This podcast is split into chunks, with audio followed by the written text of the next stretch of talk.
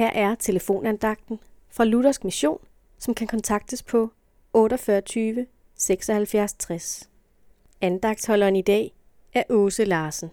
I Romerbrevet kapitel 8, vers 34 står der, Kristus Jesus er død, ja endnu mere, han er opstået, og sidder ved Guds højre hånd og går i forbøn for os. Når vi tror på Jesus som vor frelser, der er vi ind for Gud og os selv korsfæstet med Kristus. En er død i alle sted, altså er alle døde, står der i 2. Korintherbrev kapitel 5, vers 14. Gud ser på Jesus i stedet for på os. Det skal vi også gøre. Ser vi ind i os selv, tager det al frimodighed ind for Gud og over for mennesker.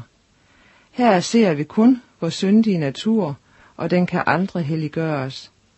Gud vil, at vi skal erkende vores synd, tage vores tilflugt til Jesus med al vores synd og tro på ham som vor frelser. Gør vi det, der ser Gud kun Jesus, som har sonet al vores synd. Se på Jesus. I ham alene er frelsen fuldbragt.